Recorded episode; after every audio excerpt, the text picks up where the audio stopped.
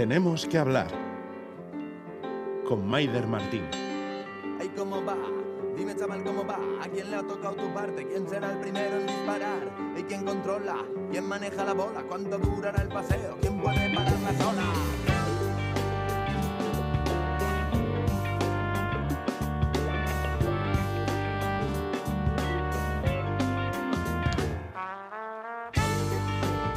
Hola, ¿cómo están? ¿Cómo lo llevan? Nosotras encantadas de saludarles, encantadas y abrumadas, a partes iguales, ¿eh? Oigan, es que ricasco benetan por el apoyo que están dando Tenemos que hablar. Lo llevan haciendo además desde el principio, desde septiembre. La verdad es que lo que les digo, nos abruman con su cariño y con su interés. También con los mensajes que algunos de ustedes nos han enviado por, por redes sociales. Pero es que ya lo de la semana pasada fue, vamos, toda una explosión con el reportaje sobre esa charla de Enia Diez. Enia Diez contó su vida en el Instituto de Cruces y se convirtió en referente para los chavales de primero de bachiller, una vida dura, una vida muy vivida.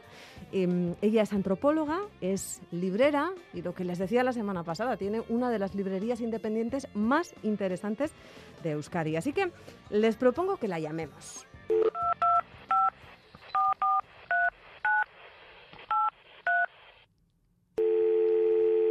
Enia, como dirías tú, pollito, ¿cómo estás? Hola, pollitos. La que has liado, ¿no? La que se ha liado, sí, sí, sí, no lo esperaba para nada, estoy un poco abrumada.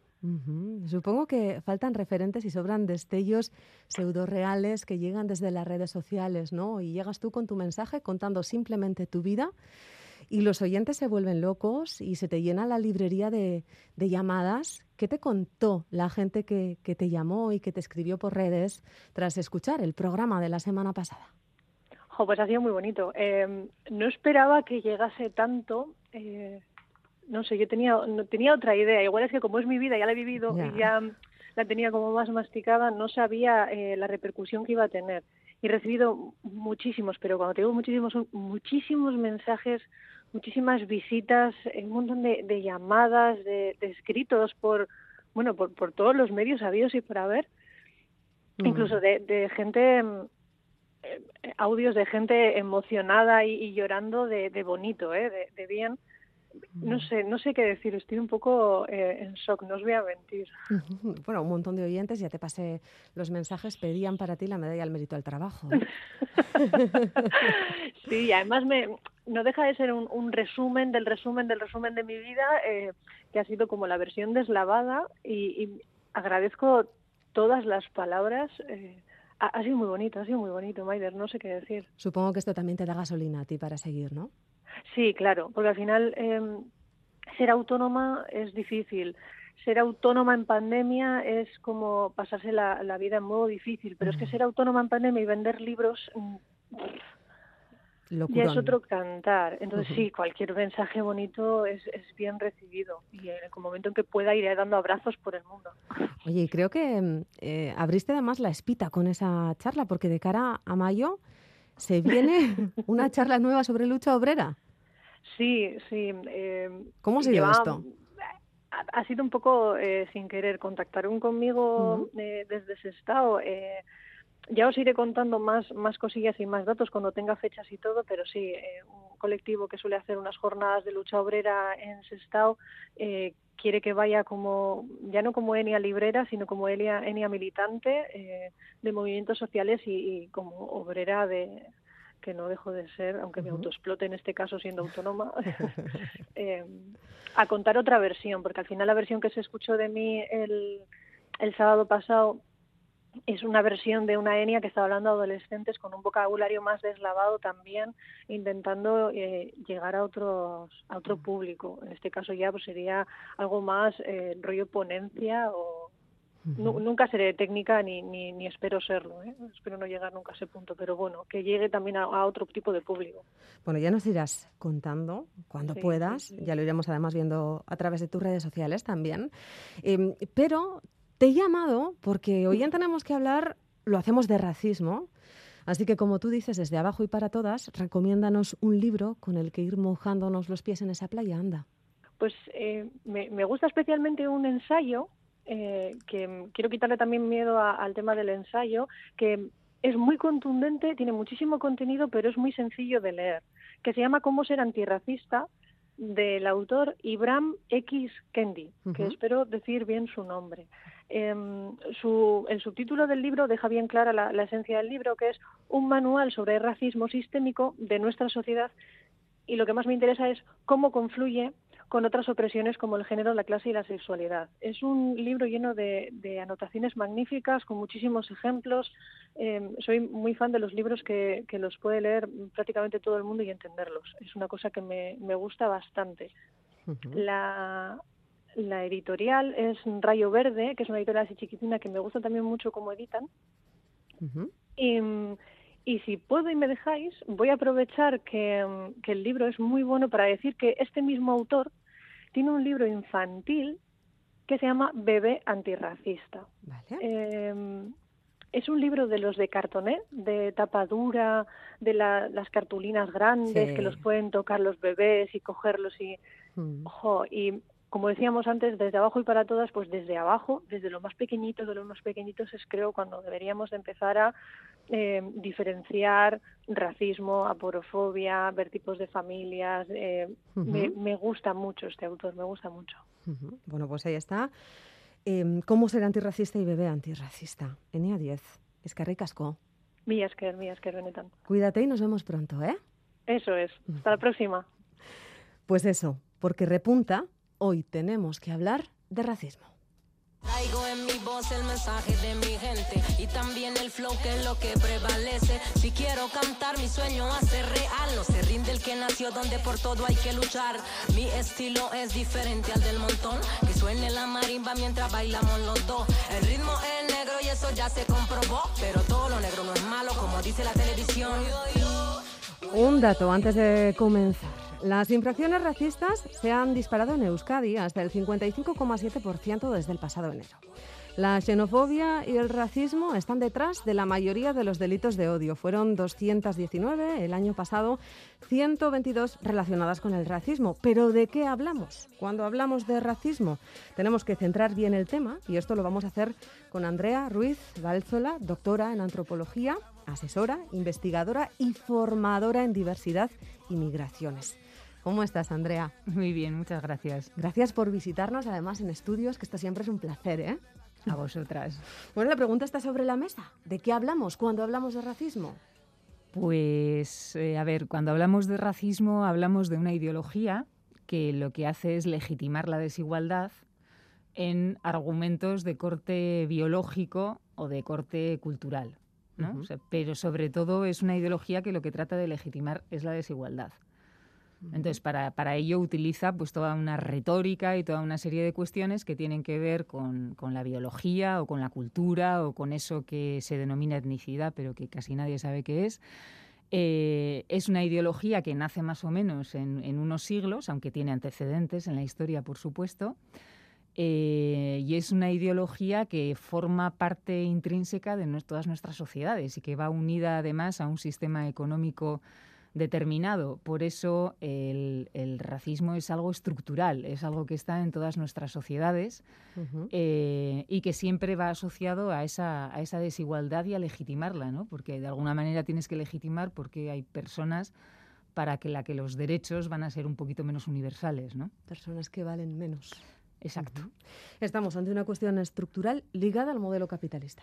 Digamos que sí desde sus inicios, además. Y entonces, desde lo individual, ¿qué se puede hacer para desactivarlo? Pues yo creo que desde lo individual lo primero es tomar conciencia de esa dimensión estructural, de que estamos hablando de una cuestión estructural, de que hay que analizar muy fino, de que cuando hablamos de racismo hay que ver racismo en qué contexto social, en qué contexto económico, en qué, contexto político, dónde nos estamos moviendo, y hay que, hay que analizar eh, fino. Y luego yo creo que, hay que hacer un ejercicio que es muy interesante de, descentramiento, como de salir de uno mismo o de una misma, eh, retirarse un poco de, un poco de todos los andamios, estructuras ¿no? que modulan tu vida y que forman tu vida y tratar un poco de salir de ahí, para poder mirar eh, las relaciones sociales quizás con otros ojos. ¿no? hay muchos paralelismos y yo creo que tienen que ir de la mano el movimiento antirracista con el movimiento feminista. Porque eso nos hablaba un poco Enia, ¿no? sí, porque pensar que es, em, cuando hablamos de, sexismo, de machismo, estamos hablando de una ideología que lo que trata es de legitimar la desigualdad y que también hecho manos de la biología, como el racismo. Entonces son, son paralelos y tienen que ir de la mano y, así como todo el movimiento feminista habla de ponte esas gafas moradas, estaba pensando en eso. Eh, pues yo creo que también te puedes poner unas lentes, eh, ¿no? no sé si podemos llamarlas interculturales, podemos llamarlas decoloniales, podemos llamarlas de descentramiento, un poco para, para, mirar desde otro lugar ¿no? y para, para tratar de, de, entender desde, desde, otros, desde otros sitios, desde otros conocimientos. ¿no? Gafas moradas con lentes interculturales. una, una, mezclita.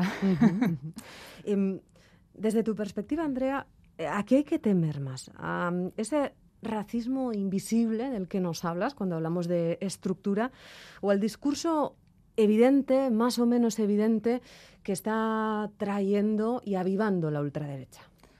Eh, hay que estar atento a las dos dimensiones, o sea, no, una no quita la otra.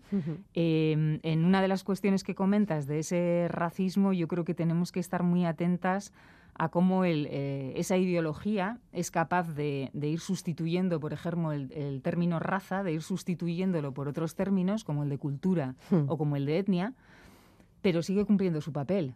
Hmm. ¿no? Quiero decir, se sigue legitimando la desigualdad, aunque ahora a veces utilizamos mano hmm. de, argumentos de corte culturalista ¿no? y tratamos de explicar el comportamiento de, de una persona o de un grupo humano por su cultura, lo cual es una absoluta barbaridad. Es, racismo. Racismo cultural, llámalo. Entonces creo que tenemos que estar muy atentos eh, y atentas para no caer en eso, porque muchas veces caemos sin darnos cuenta, ¿no? Y luego, por otro lado, está esa dimensión de, partidos como, como Vox y todos los equivalentes en, en Europa y también en, en Estados Unidos eh, que echan mano de, todos estos discursos en los que además mezclan cantidad de cosas. A eso hay que, hay que estar atento, pero lo que yo creo que tenemos pendiente es... además, o sea, una cosa está el, el, recurso fácil de eres un racista o sois unos racistas, ¿no? Pero más allá de eso es si vamos a ser capaces de crear marcos alternativos, de crear otro tipo de discurso, de no entrar en el de ellos. Porque ellos te marcan el marco del debate. De una manera muy clara. Como entres ahí, estás perdido. ¿no? Entonces vamos a ser capaces de generar otro discurso nosotras, de generar ¿no? otra imagen, otro imaginario, otras narrativas, ¿no? otras maneras de contar, eh, pensando siempre en la ciudadanía, en nuestras vecinas, en nuestros vecinos. ¿no? Yo creo que ahí tenemos un gran reto. Eso no quita para que estemos muy atentos a determinadas líneas rojas que quizás no deben cruzarse, que en otros países no se han cruzado y bueno, aquí hay un debate al respecto, ¿no? ¿Hay que poner cordones sanitarios o no en el mundo de la política, ¿no? y ese es un debate abierto en nuestro país. En otros países lo han resuelto de manera muy clara y bueno, pues habrá que, afrontarlo, ¿no? O, bueno, no en el futuro, quizás en, un presente muy inmediato. Em, a escala social, en nuestro día a día, eh, ¿cuánto peso tiene el miedo en la ecuación racista? Yo creo que el miedo ya sé que, no, quiero ponerme negativa, ¿no? Ya sé que el amor mueve el mundo, pero yo creo que el miedo mueve mucho el mundo. El miedo es un sentimiento muy paralizante, es un sentimiento muy potente. Justo lo contrario al amor. Digamos que sí. Eh, y mm, yo creo que tenemos que ser conscientes de las sociedades en las que vivimos ahora y vivimos en una sociedad creo que miedosa, eh, bueno, ha habido golpes muy potentes de carácter económico, social, como toda la crisis del 2008, que ha dejado toda una serie de secuelas.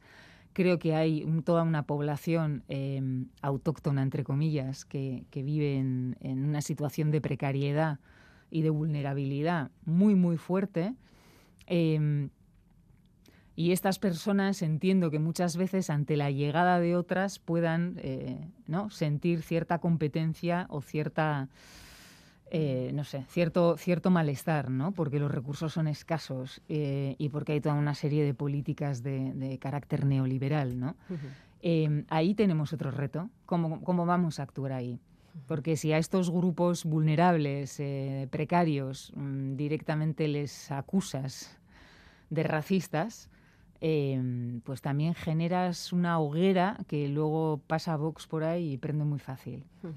Por otra parte, además, tener siempre en cuenta que son estas personas o esa gente que está en situación de vulnerabilidad y de precariedad quienes conviven con, con las personas de origen extranjero. Son quienes mandan a sus hijos al cole público con los... ¿no? Nosotros los que tenemos un discurso intercultural impecable desde nuestra urbanización tiramos, de, la, no hay ninguna tiramos de la concertada o de la privada ¿no? entonces Claro. yo creo que hay que otra vez hay que hilar fino y hay que ver la complejidad de lo que de lo que hablamos. Bueno, y, mm, el racismo, por cierto, se puede medir, porque, porque em, parece que lo que está claro es que queda mal decir no me gusta la gente de no sé qué país o no me gusta la gente de no sé qué color. Tiene que ser difícil medirlo entonces, ¿no? Em, creo que es más fácil em, tratar de medirlo en un nivel estructural. O sea, que tú, puedes tener una medición absoluta de en qué segmentos del mercado de trabajo se inserta gente de determinada procedencia. eh, puedes tener estadísticas de prácticas discriminatorias en el trabajo. Quiero decir que todas estas cuestiones son más fácilmente eh, medibles, pero también es verdad que cuando entras a tratar de medir eh, lo que es la actitud ¿no? individual de la persona, sí resulta difícil. Es- eh, no, es tan, no es tan fácil, sobre todo porque el ciudadano medio tiene aprendido un discurso impecable, ¿no? diría, o muy correcto políticamente, con el cual sabe contestar a todo, pero no solo con cuestiones de racismo, con cuestiones de machismo, con, de otro tipo, ¿no? Todos sabemos cómo hay que contestar.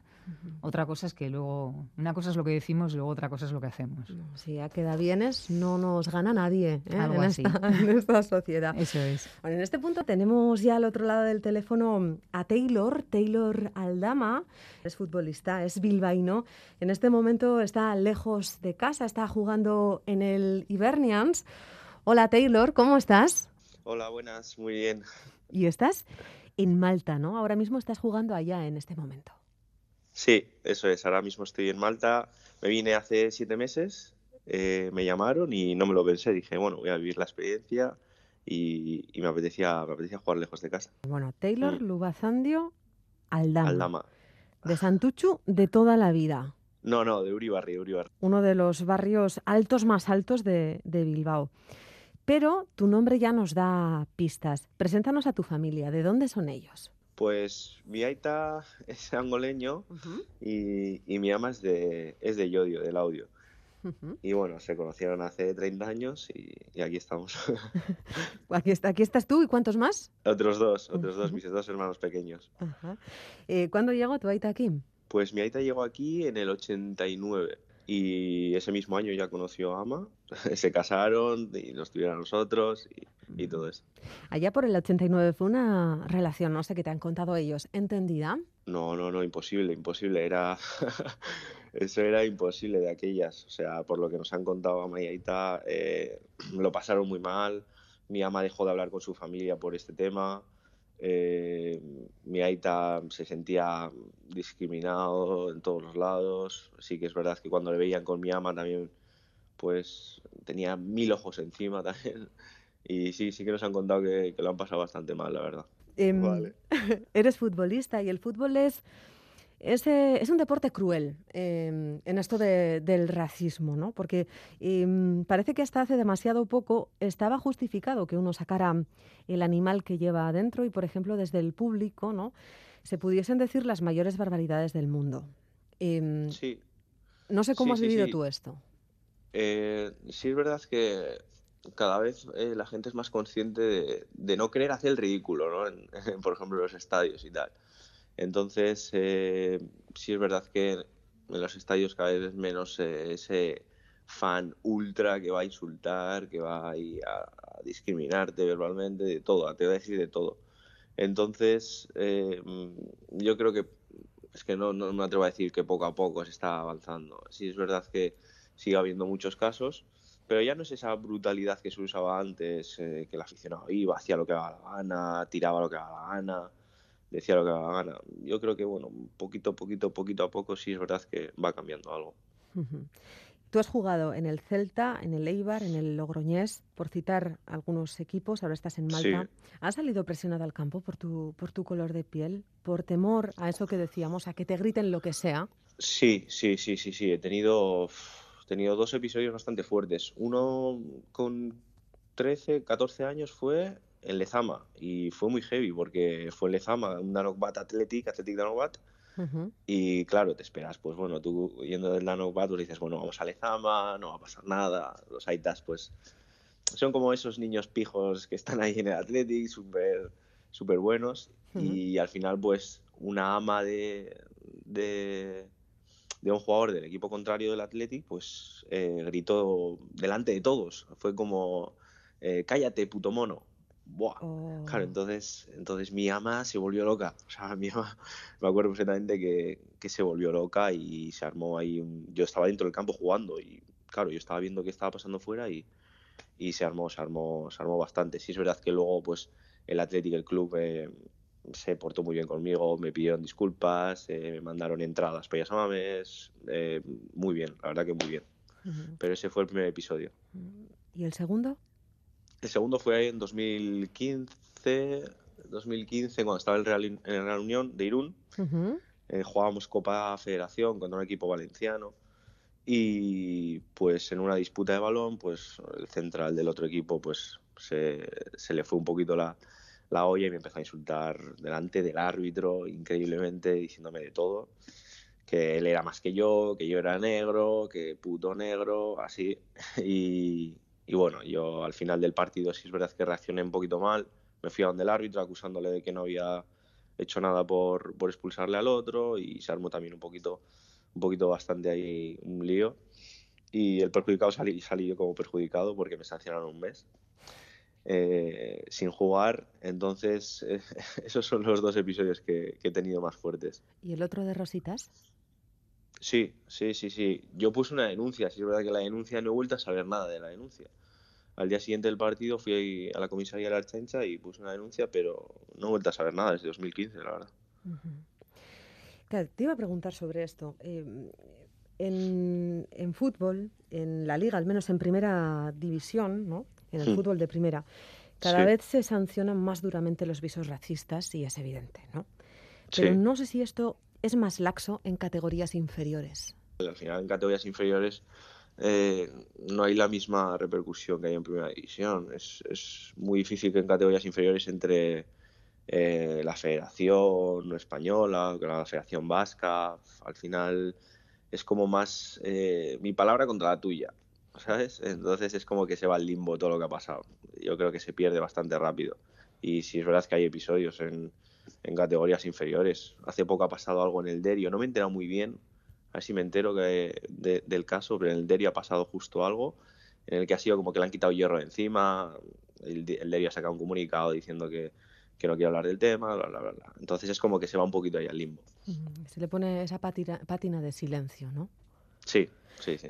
Y, justo en categorías inferiores es donde hay que incidir en los valores deportivos, ¿no? donde cobran más importancia, porque los chavales eh, están en construcción, están tiernos en cuanto a, la formación y conformación de valores éticos, morales, ¿no?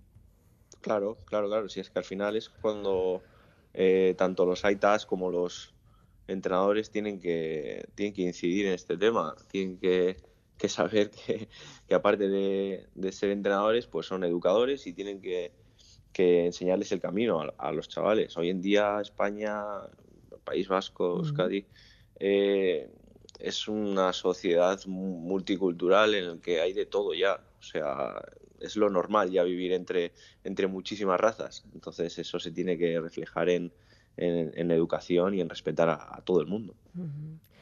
Quizás sigue siendo o es demasiado importante el objetivo final, el ganar como sea, también en las categorías eh, inferiores, eh, que pasa desapercibido un insulto de este, mm. de este tipo, ¿eh? Racista. Sí, te puedo, decir, te puedo decir que en mi época igual sí. Ahora mismo, pues no lo sé. En mi época sí. En mi época valía todo. Bueno, en mi época hablo como si tuviese 40 años. Ya, y tienes 27, ¿eh?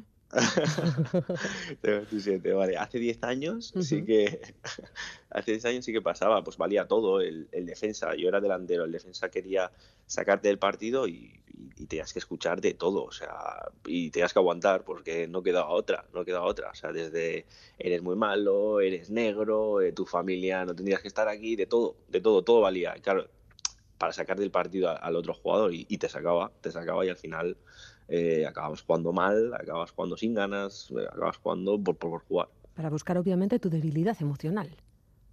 Eso es. Darte donde duele. Darte donde duele, eso es. Eso duele eso más es. que una patada en la espinilla. Muchísimo más, muchísimo más. Y también sabiendo que a veces viene de, venía de entrenadores. De, oye, Oh. a Taylor si le dices esto, esto, pues mira, va a saltar. Dás- Dáselo porque se va del partido. Pues eso pasa con muchísimos jugadores. Eh, Andrea, ahí, ahí lo tenemos, ¿no? Eh, Sí.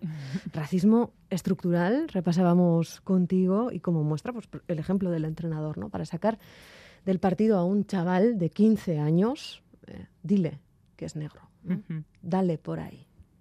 Sí.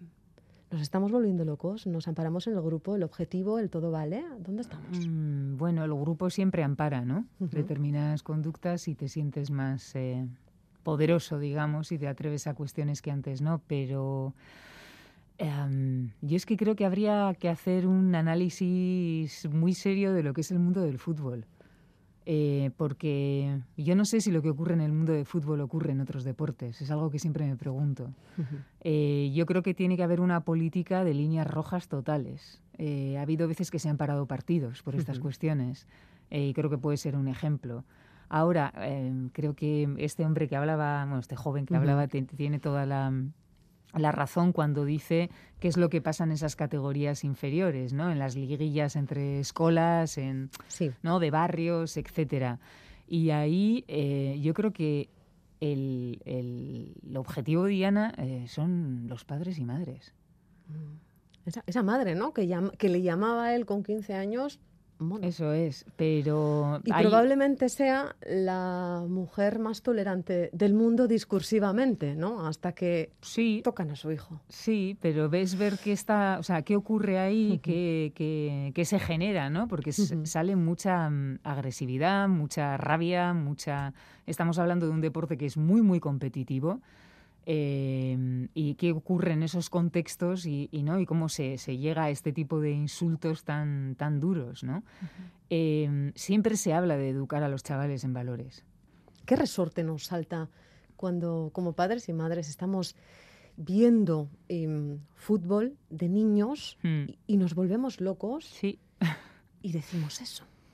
Bueno, pues supongo que la sobreprotección por los hijos y las, las hijas y luego, bueno, todo un contexto, porque el, creo que de gran parte del racismo no somos conscientes. Quiero decir, tenemos toda una, entre comillas, le voy a llamar tradición porque no es algo bonito, pero tenemos desde hace siglos toda una mirada eh, educada, ¿no? Una, una mirada que se ha ido construyendo y somos herederas de esa mirada.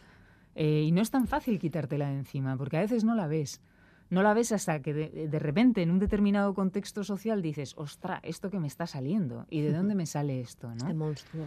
Eh, y ese monstruo tiene que ver con toda una historia, que es la historia de Europa, que es cómo Europa se ha relacionado con la diversidad, de es cómo Europa ha construido a esos otros, ¿no? que estaban en otros puntos del, del planeta, cómo los construyó como salvajes, cómo los construyó como bárbaros, eh, y qué ocurre cuando esos otros, entre comillas, eh, viven entre nosotras. ¿no? De todos modos, parece que hay ciertos visos de esperanza, porque decía Taylor, Mm. em, ahora la gente suelta menos insultos racistas porque temen hacer el ridículo. Sí. Yo creo que ahí eh, vamos un poquito más tarde, pero mm, exactamente igual que, que con la cuestión del machismo y del sexismo, yo creo que hay ciertas cosas que, no digo que no lo piensen, pero que ya no se atreven a decirlo en un escenario social. Creo que poco a poco puede empezar a pasar lo mismo con, con el tema del, del racismo. También creo que los, eh, ¿no? los jóvenes y los niños y las niñas de Euskadi están viviendo una realidad, como decía él, que es muy diferente a la que vivimos otras generaciones y que tienen una relación con la, la diversidad y el hecho de tener compañeros que han nacido aquí pero sus papás son de otro lado, o, ujú. ¿no? que viven esta diversidad, digamos, de otra, de otra manera. Em, y yo, bueno, quiero ser optimista ahí también, ¿no? Y sobre todo confiar mucho en esas generaciones que vienen, ¿no? Mm, bueno, vamos a volver con, contigo, Taylor, porque en tu día a día, ese Taylor joven, niño, que fue creciendo primero en Uribarri, después en Santuchu, ha tenido que lidiar y plantarse ante actitudes racistas. Lo pregunto porque hace 20 años probablemente fueras el único negro en clase, en la cuadrilla. Sí, sí, sí, sí. Pues en la cuadrilla siempre he sido el brinco negro, en clase, eh, en el instituto, en la escuela, bueno, éramos dos, tres, eh, éramos, éramos muy pocos. Y bueno, a ver, siempre lo he llevado bien porque mis amigos, sí es verdad que nunca me han, nunca he tenido ningún problema con, con la cuadrilla, ni con los amigos, ni en, ni en el instituto, ni nadie me ha querido hacer daño con, con, mi color de piel que sea cercano a mí, pues eso, en el instituto, en la cuadrilla. Si es verdad que igual he tenido algún otro con otra cuadrilla o con otros, con otros con otra gente, sí que he tenido algún problema. Pero con lo que con los que he nacido, con los que me he criado, no siempre siempre ha habido muchísimo respeto. Eh, la verdad que agradezco mucho que haya sido en un colegio público también, porque porque porque la gente es muchísimo más eh, cercana, muchísimo más amable. Entonces, eh, la verdad que agradezco que haya sido así. no, no tengo queja, no tengo queja. ¿Y cómo nos ves a los vascos, a las vascas? ¿Ha habido evolución o involución? Y pregunto para que escojas casi, porque el discurso político ultra también está creciendo, ¿no? Sí, sí, sí, sí, sí. A ver, eh, yo creo que los vascos siempre han sido, bueno, siempre hemos sido, lo tengo que incluir, siempre hemos sido muy, muy tolerantes, siempre hemos sido también muy muy cercanos y, siempre hemos querido que, pues, que la gente convivir bien, ¿no? Eh, mm. Tener cerca a la gente que esté bien y tal. Sí es verdad que ahora veo un poquito de, falsedad, sobre todo pues, políticamente, como has dicho. Eh, no me gusta cómo se está tratando a, los inmigrantes, no me gusta cómo se está tratando pues, ahora mismo el tema de, de los menas. Entonces, eh, se está viendo reflejado que en realidad en realidad eh, hay una mm, estructura racista. Entonces eso me, fastidia bastante, me fastidia bastante.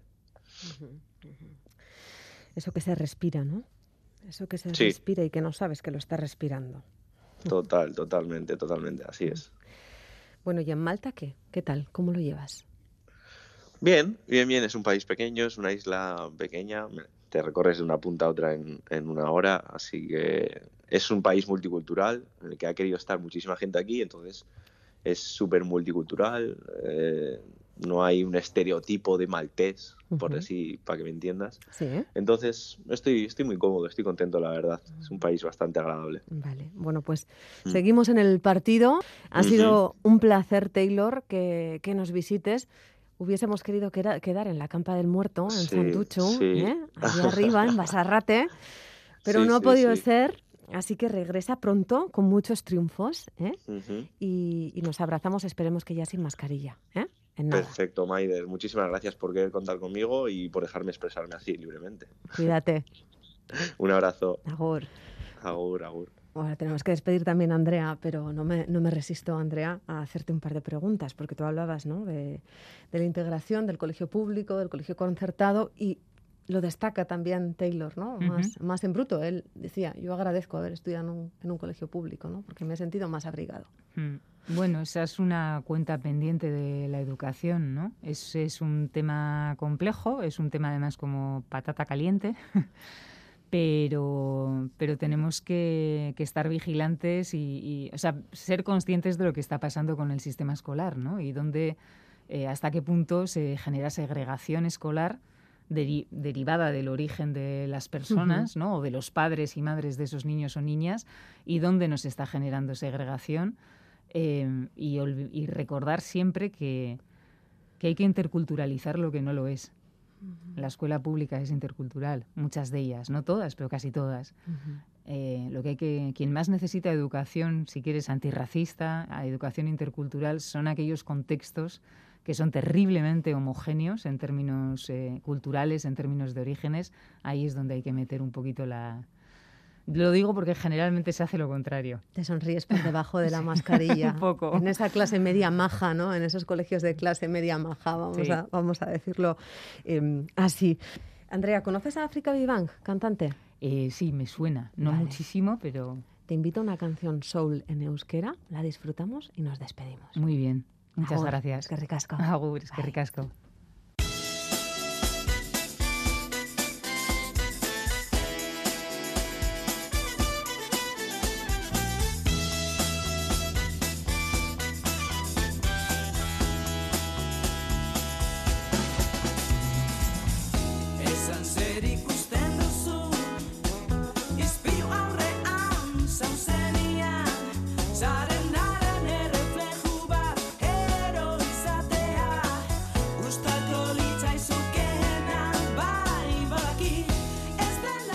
Ahora lo que nos toca es encontrarnos con ella, con África Vivang. Sus padres llegaron a este país cuando los 80 todavía no se habían ni estrenado.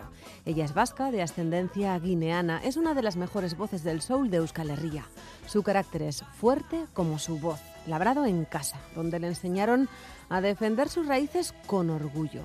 Hemos quedado con África en la plaza de su Algorta natal y es un huracán. Yo llego tarde, pero no hay nada que un abrazo no solucione. Cuando llego, está hablando por teléfono. Aquí la tengo. ¿Qué pasa? Hablamos luego. te- cuando acabe te llamo. Ve, venga, Agur. ¿Damos un abrazo? Sí. Qué bien. ¿Cómo estás? Bien. Ando ahí con gu. llamaditas. Bai. ¿Dónde saltos? Pues Ah, Nos ponemos a hablar. Hace frío en la plaza, así que mejor vamos a tomar un café a su bar de confianza. Ja, ja zara gordetan, hola da. Nora jungo gara. Ez dakit, kafetxu bat hartzen? Eh? Kafetxu bat hartzen jango gara? Vale. Bueno, eta, eta zer, leku batetik bestera, Enaz superliata, pasa superliata, ez dakit. Ez que Grabetan neko- o zer? Entre tanto me cuenta que tiene manager nuevo, que está muy contenta con él y que no para. Hablamos como si nos conociéramos de toda la vida, pero es la primera vez que nos vemos. Hablamos tanto que no se ha dado cuenta de que estoy grabando. Ah, da, Estamos graba- grabando ya. ¿Estamos grabando? Claro. Oye, por cierto, eh, tú, Euskaldun, desde siempre. No, desde siempre no. ¿Cuándo Yo te euskaldunizaste? con 16, 16, 17 años. Así, ¿eh? Sí, yo em, vine, o sea, iba en el modelo A, ¿no? Es el Ajá. que hacen todo en castellano. Sí, sí. Y me apunté en euskera en el Euskaltegi cuando llevaba poco tiempo. Bien. Buenas. Cuando llevaba poco tiempo, eh, juntándome con gente euskalduna, descubrí, dije yo, hostia, esto es el euskera aparte de una asignatura, parece que hay algo más. sí. Entonces me interesaba, me gustó Ajá, y me apunté a EK. ajá. Pero tú te eh, escolarizaste en modelo A, Ah, a pesar de que naciste aquí. sí. A ver, mis padres son eh, de Guinea Ecuatorial. Vinieron aquí y no pensaron tampoco, es que lo mismo que yo, pensaron que euskera era como una asignatura más Sí. y tampoco le daban tanto más, mucha más importancia. Luego también escuela pública, porque mis padres son eh, inmigrantes, Sí.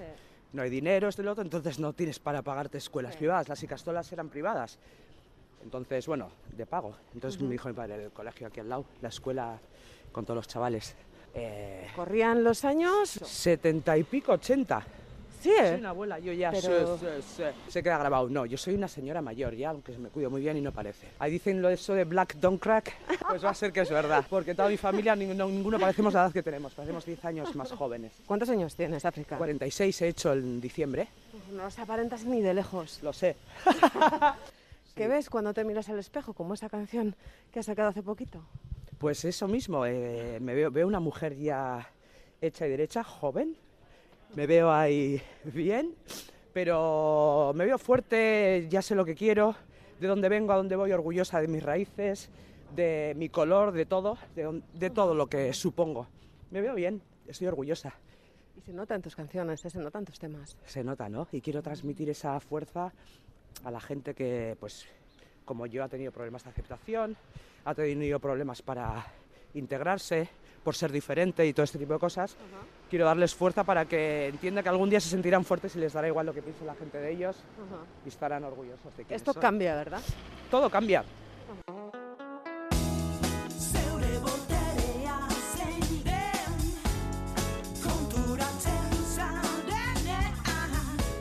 Y entre música y palabras acabamos de llegar al bar. ¿Vamos a entrar dónde? Aquí o aquí, como quieras. Aquí mismo los puedo poner. Sí. ¿Qué quieres? Vale, con leche, ¿cómo lo quieres? ¿Con leche? Con leche, sí. Ahora, le doy al pause aquí y voy a por el café. Un segundo, ¿eh?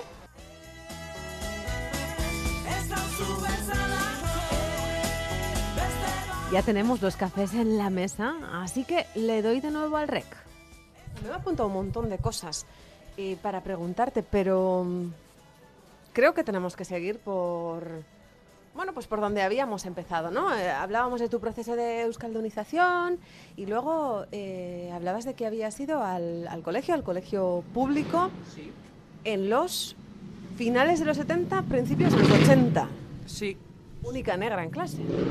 Eh, Nosotros hemos sido los únicos negros en clase, en el pueblo, en un montón de sitios. Eh, sí, siempre que iba a los sitios éramos los primeros negros. En el barrio, en todas partes, durante muchísimos años. Con lo que supone. ¿Qué supone? Pues supone, pues imagínate, tú imagínate que eres la única blanca en un pueblo lleno de negros. ¿Tú qué crees que supondría? Un montón de pares de ojos mirándome, ¿no? Todo el rato mirándote, te sientes súper observada, eh, la gente te señala, la gente se ríe de ti, porque yo he visto que se han reído de mí, eh, te genera muchísima inseguridad. Entonces, te- no inseguridad no, porque mi padre se ha encargado siempre de hacerme, de hacerme saber quién soy, de dónde vengo, sentirme orgullosa y hacerme fuerte. Pero cuando lo experimentas, el sentirte raro, el que alguien te vea y por esas diferentes se ría, pues hay cosas que todavía no entiendo. Porque sí, entiendo que me miren cuando eres diferente, pero que se rían, ¿por qué? Porque eres negro. Entonces ese tipo de cosas no las entiendo. A día de hoy tampoco las entiendo, ¿eh? Y siguen pasando. Menos, pero pasa. ¿Y cómo, cómo le tiene que sentar, ¿no? Y qué crack eh, emocional y mental tiene que suponer para la niña África, ¿no? Para esa niña de 5, 6, 7, 8 años, ¿no? Pues yo creo que vengo fuerte desde pequeña, por- sí, porque vengo como razonando, preguntando y haciéndole a la gente preguntas les hacía que igual les rompía los esquemas que ni ellos mismos sabían responder. Porque también eres niño y ¿por qué eres así? Y yo decía, ¿y por qué no? ¿Y tú por qué eres así? Y cuando te venían de pequeña y te querían tocar a ver si manchabas, ¿Eso te ha pasado a ti? muchísimas veces. Venían niños, siempre venía el valiente o el valiente. Había como un consenso, veías a gente hablando y decías algo va a pasar y mirándote. Entonces veías que se acercaba uno, en plan súper valiente, te tocaba, se miraba ¡oh! y decía no mancha. Entonces ya se acercaban todos. ¿Cómo tiene que doler, eh? Luego, luego en el momento no lo entiendes. Yo iba donde mi madre y les decía todo. Me han tocado no sé, todo lo que me pasaba se lo contaba a mi madre. Y mi madre me decía, sal ahí fuera y defiéndete. Y no dejes que te hagan esto y no dejes que te hagan lo otro. Había cosas que entendía que eran normales, que me podían pasar, pero otras que no, y no me dejaba que viniera a casa a quejarme. Tenía que ir y defenderme.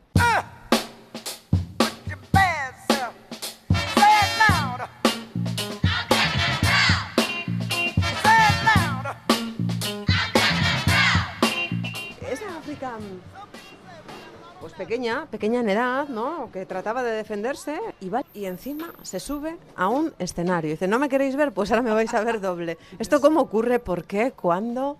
Creo que además no fuiste la única de tu familia cuando te subiste por primera vez a un escenario. Hermana, sí, es que yo a día de hoy tampoco lo entiendo, porque encima toda mi vida he estado quejándome de que no me gustaba que me miraran y queriendo esconderme y queriendo ser invisible y todo esto.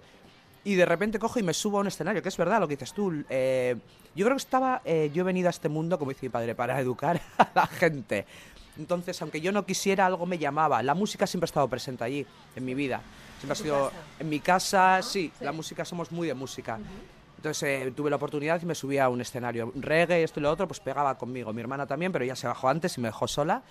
Y eh, una vez arriba me di cuenta de lo que supone estar en un escenario. Todo el mundo te ve, estás ahí arriba, entonces eh, la gente está pendiente de ti. Dije, esto puede ser como una plataforma para muchas cosas, para mandar mi mensaje, para que se me vea, para que se me reconozca, para todo lo que quiera hacer. Y encima eh, con la música. Y dije, esto es como estar en casa, ¿no? Estás educando a la gente cuando de repente se sube una chica, se pone a cantar en euskera con un grupo de Lekeitio. No, sin querer, sí, Chayak, sin querer, a la cabeza ya les está haciendo un clock. ¿Cómo que qué, es esto? ¿Entiendes? Entonces, poco a poco he ido haciendo punch, golpecitos, abriéndome al mundo, abriéndome a mí y como representante de todos los inmigrantes y de todos los africanos y toda la gente que está aquí que, que se están abriendo paso. Es como que se puede. Em, no sé si pesa, si estás cansada o qué sientes cuando escuchas y sabes que eres la primera y única mujer cantante negra de Euskal Herria. No sé si soy la única, yo dije en su día soy la primera, y la única haciendo soul, eso lo tengo clarísimo porque desde que 2004 no he visto a nadie más haciendo. A día de hoy tampoco he visto a ningún negro, en el- eh, o negro, latino, lo que sea, eh, en un estima en un escenario. Yo siem- siempre veo a vascos, vascos quiero decir, todos somos vascos, pero me entiendes, ¿no? Estándar, el típico vas- vasco estándar. Yo no lo he visto a los demás. Entonces, eh, cansada, un poco como triste, ¿Por qué? porque yo creía que iba a abrir camino, digo yo, a ver, eh, hay mucha más gente por ello. Desde que me fui, cada vez veo más negros, latinos, chinos hablando euskera, gente haciendo música, esto y lo otro. Entonces, que nadie quiera seguir el ejemplo, ¿no? Es decir, ¿cómo no os ponéis a cantar en euskera también? No sé, y no sé, un poco como decepcionada. Porque veo que hay gente que sabe hablar euskera, que son de... Digo, yo, si hicierais lo que estoy haciendo yo, estaría muy bien para animar a otra gente a que se aprendan euskera, a otra gente a que se suban allí y hablan- hablen en euskera y canten en euskera, siendo diferentes. La primera vez que te subes al escenario, a un escenario fue con Que no falte, haciendo los coros, después llegó Echayak, Sí. después Fermín, después Solitario y un montón de cosas más, ¿no? Pero en tu casa, ¿qué música se escuchaba cuando tú eras chavala? Y en mi casa, sí, eh, yo cuando era niña escuchábamos pues música africana siempre, todos grupos Pepe Calé, eh, Maeles, música africana, jazz africano, música soul, R&B, Michael Jackson, música, música de negros, como decía yo. Teníamos toda la música, todos los discos eran negros. no, es que era, es la única manera, el único referente que he tenido yo para, para todo. Entonces, en mi casa, pues yo era todo de negros. Luego ya salí fuera y yo fui descubriendo el punk y otros estilos con mis amigos. Claro, te iba a preguntar, y entonces, o sea, es, entiendo que entres por el reggae, porque no falte, que además en su momento pegaron y pegaron fuerte Sí, sí, y estaban sí. a tope, estabais a tope, y después vas a Echaya, punk, rock vasco. ¿Esto cómo, ¿Esto cómo sucede? A ver, porque yo, como te he dicho, eh, yo he aprendido, yo como quien dice me he euskaldunizado, he aprendido de Euskal Herria y todo, eh, gracias a mis amigos. Tuve un amigo, Alain Lavajo, que a día de hoy sigue siendo de mis mejores amigos, eh, Euskaldun, Super Petoa, y, él- y me enseñó todo. Todo lo que sé lo he aprendido gracias a él. Incluso me apunté a euskera por él, al Euskaltegui. Entonces, ahí empezó con 16 años, empecé a salir del patio, te juntas con otra gente, conoces a la gente que habla euskera, conoces otro mundo. Yo no tenía ni idea de Euskal Herria. Yo sé que vivía aquí, pero no, no era consciente hasta que conocí a Line y entonces empecé a descubrir otro mundo. Me empecé a llevar a Lekeitio, eh, empecé a ver rock vasco y dijo, esto también me gusta. A mí me gusta la música. Entonces me gusta todo tipo de música. Y hay que tener en cuenta que el reggae, el rock también es música negra, aunque mucha gente no sabe también. Entonces, pues yo lo escucho. Que se lo pregunten a Chuck Berry. ¿Entiendes? Exacto, exacto.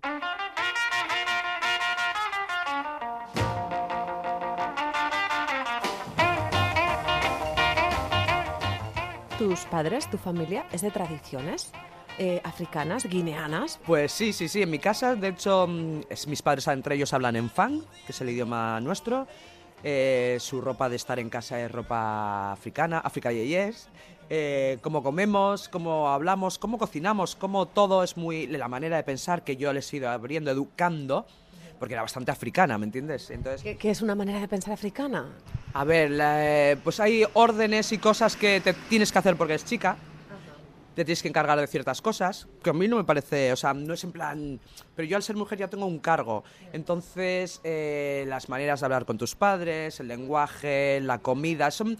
No sé explicarlo, pero nos... eh, Sí, son roles que son totalmente diferentes. Yo lo he ido viendo desde pequeña, la manera de comunicar eh, de los blancos, como digo yo, y nosotros digo yo, uh, uh, aquí hay un mundo.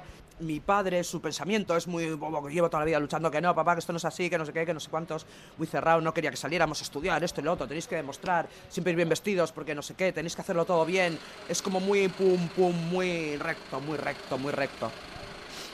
Por lo que parece que dibujas, quizá me equivoco, ¿eh? Pero parece que dibujas a un padre eh, orgulloso de sus raíces, pidiendo a sus hijos que representen bien su negritud, ¿no? Totalmente, o sea, estás dando en el clavo.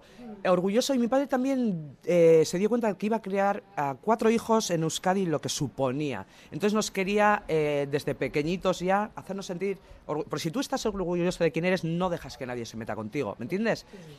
Entonces ahí empieza todo.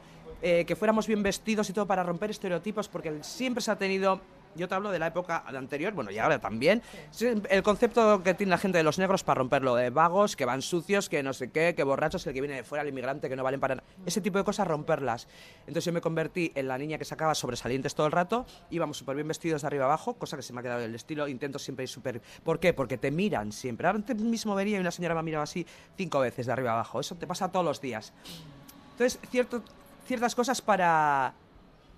Para, venga, sal, abre la puerta de casa de- y venga, ya salgo lista. Yo cuando salgo a la calle, fu, porque no sé lo que me puede pasar. Tengo ya salgo como orgullosa y con así. Qué piojera, Esa ¿no? chulería Como decía de Tupac. que- Eso, es que eso es de negros. No sé si la gente no lo entiende. Cuando eres negro todo cambia en la vida. Muchísimo, en todas partes del mundo. Es así.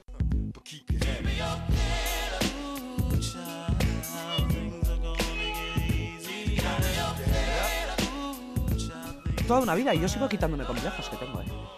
Vez menos, pero parece que no. Pero te hace movida en la cabeza, ¿eh? Y esto vale para, bueno, para alguien que es negro lo que sea, para alguien que es gordo, gay, transexual, todo el que se siente excluido, observado, juzgado, señalado. Hay que ser fuerte y no hay que hacer caso y te pueden hacer mucho daño. Hay veces que yo he de todo. Pero mírame ahora. ¿Tú crees que alguien me va a decir algo? No, lo dudo. Se lo piensa dos veces, sí, porque le miro así y digo, más te vale que te lo pienses. Y se lo ve. Y hay gente que me ha intentado hacer daño a día de hoy, con bromas y gestos y... No, no, no, no. Ya no. Somos racistas, somos una sociedad racista. Yo, yo diría que sí. El mundo es racista. El mundo es racista, sexista, homófobo, es todo. Y Euskadi es racista. A ver, tiene sus... Hay de todo. No sabría decirte el porcentaje, pero yo podría decir yo sí. Euskadi racista. Hay gente brutal, como en todas partes, como tú. Hay gente abierta, de corazón, pero hay gente que le, le gusta recordarte que no eres de aquí, que eres negro. Pero sin hablar, ¿eh? simplemente con la mirada, con unas maneras de mirar, con gestos, con todo, la gente te recuerda como... Ese tipo de miradas de... Uf. Sí, y a día de hoy las hay. Y Yo las sigo sintiendo. Cada vez menos, pero las hay. Y es como, qué fuerte. Pero bueno, el mundo es así. No sé quién lo ha diseñado, pero es así.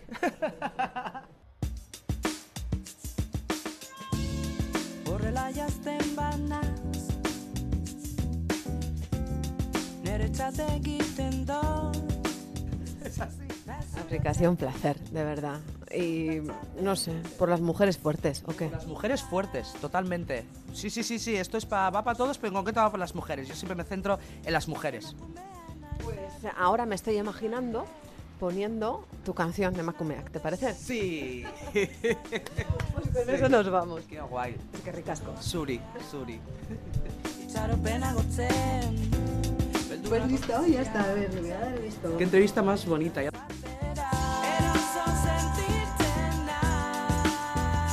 Ay, qué cómodas nos hemos sentido en esta entrevista. Pues eh, hasta aquí sí, porque se nos vuelve a echar el tiempo encima con la sensación de que tenemos que ponernos más eso de lo que hablábamos al principio con Andrea Ruiz Bálzola, las gafas moradas con lentes interculturales para mirar a la vida, cuestionárnoslo todo para cambiar todo lo que no nos gusta. Eso solo se hace cambiando la mirada y cuidando las palabras con las que nos expresamos, porque hablar tenemos que hablar, pero para encontrarnos. Hondo y Billy.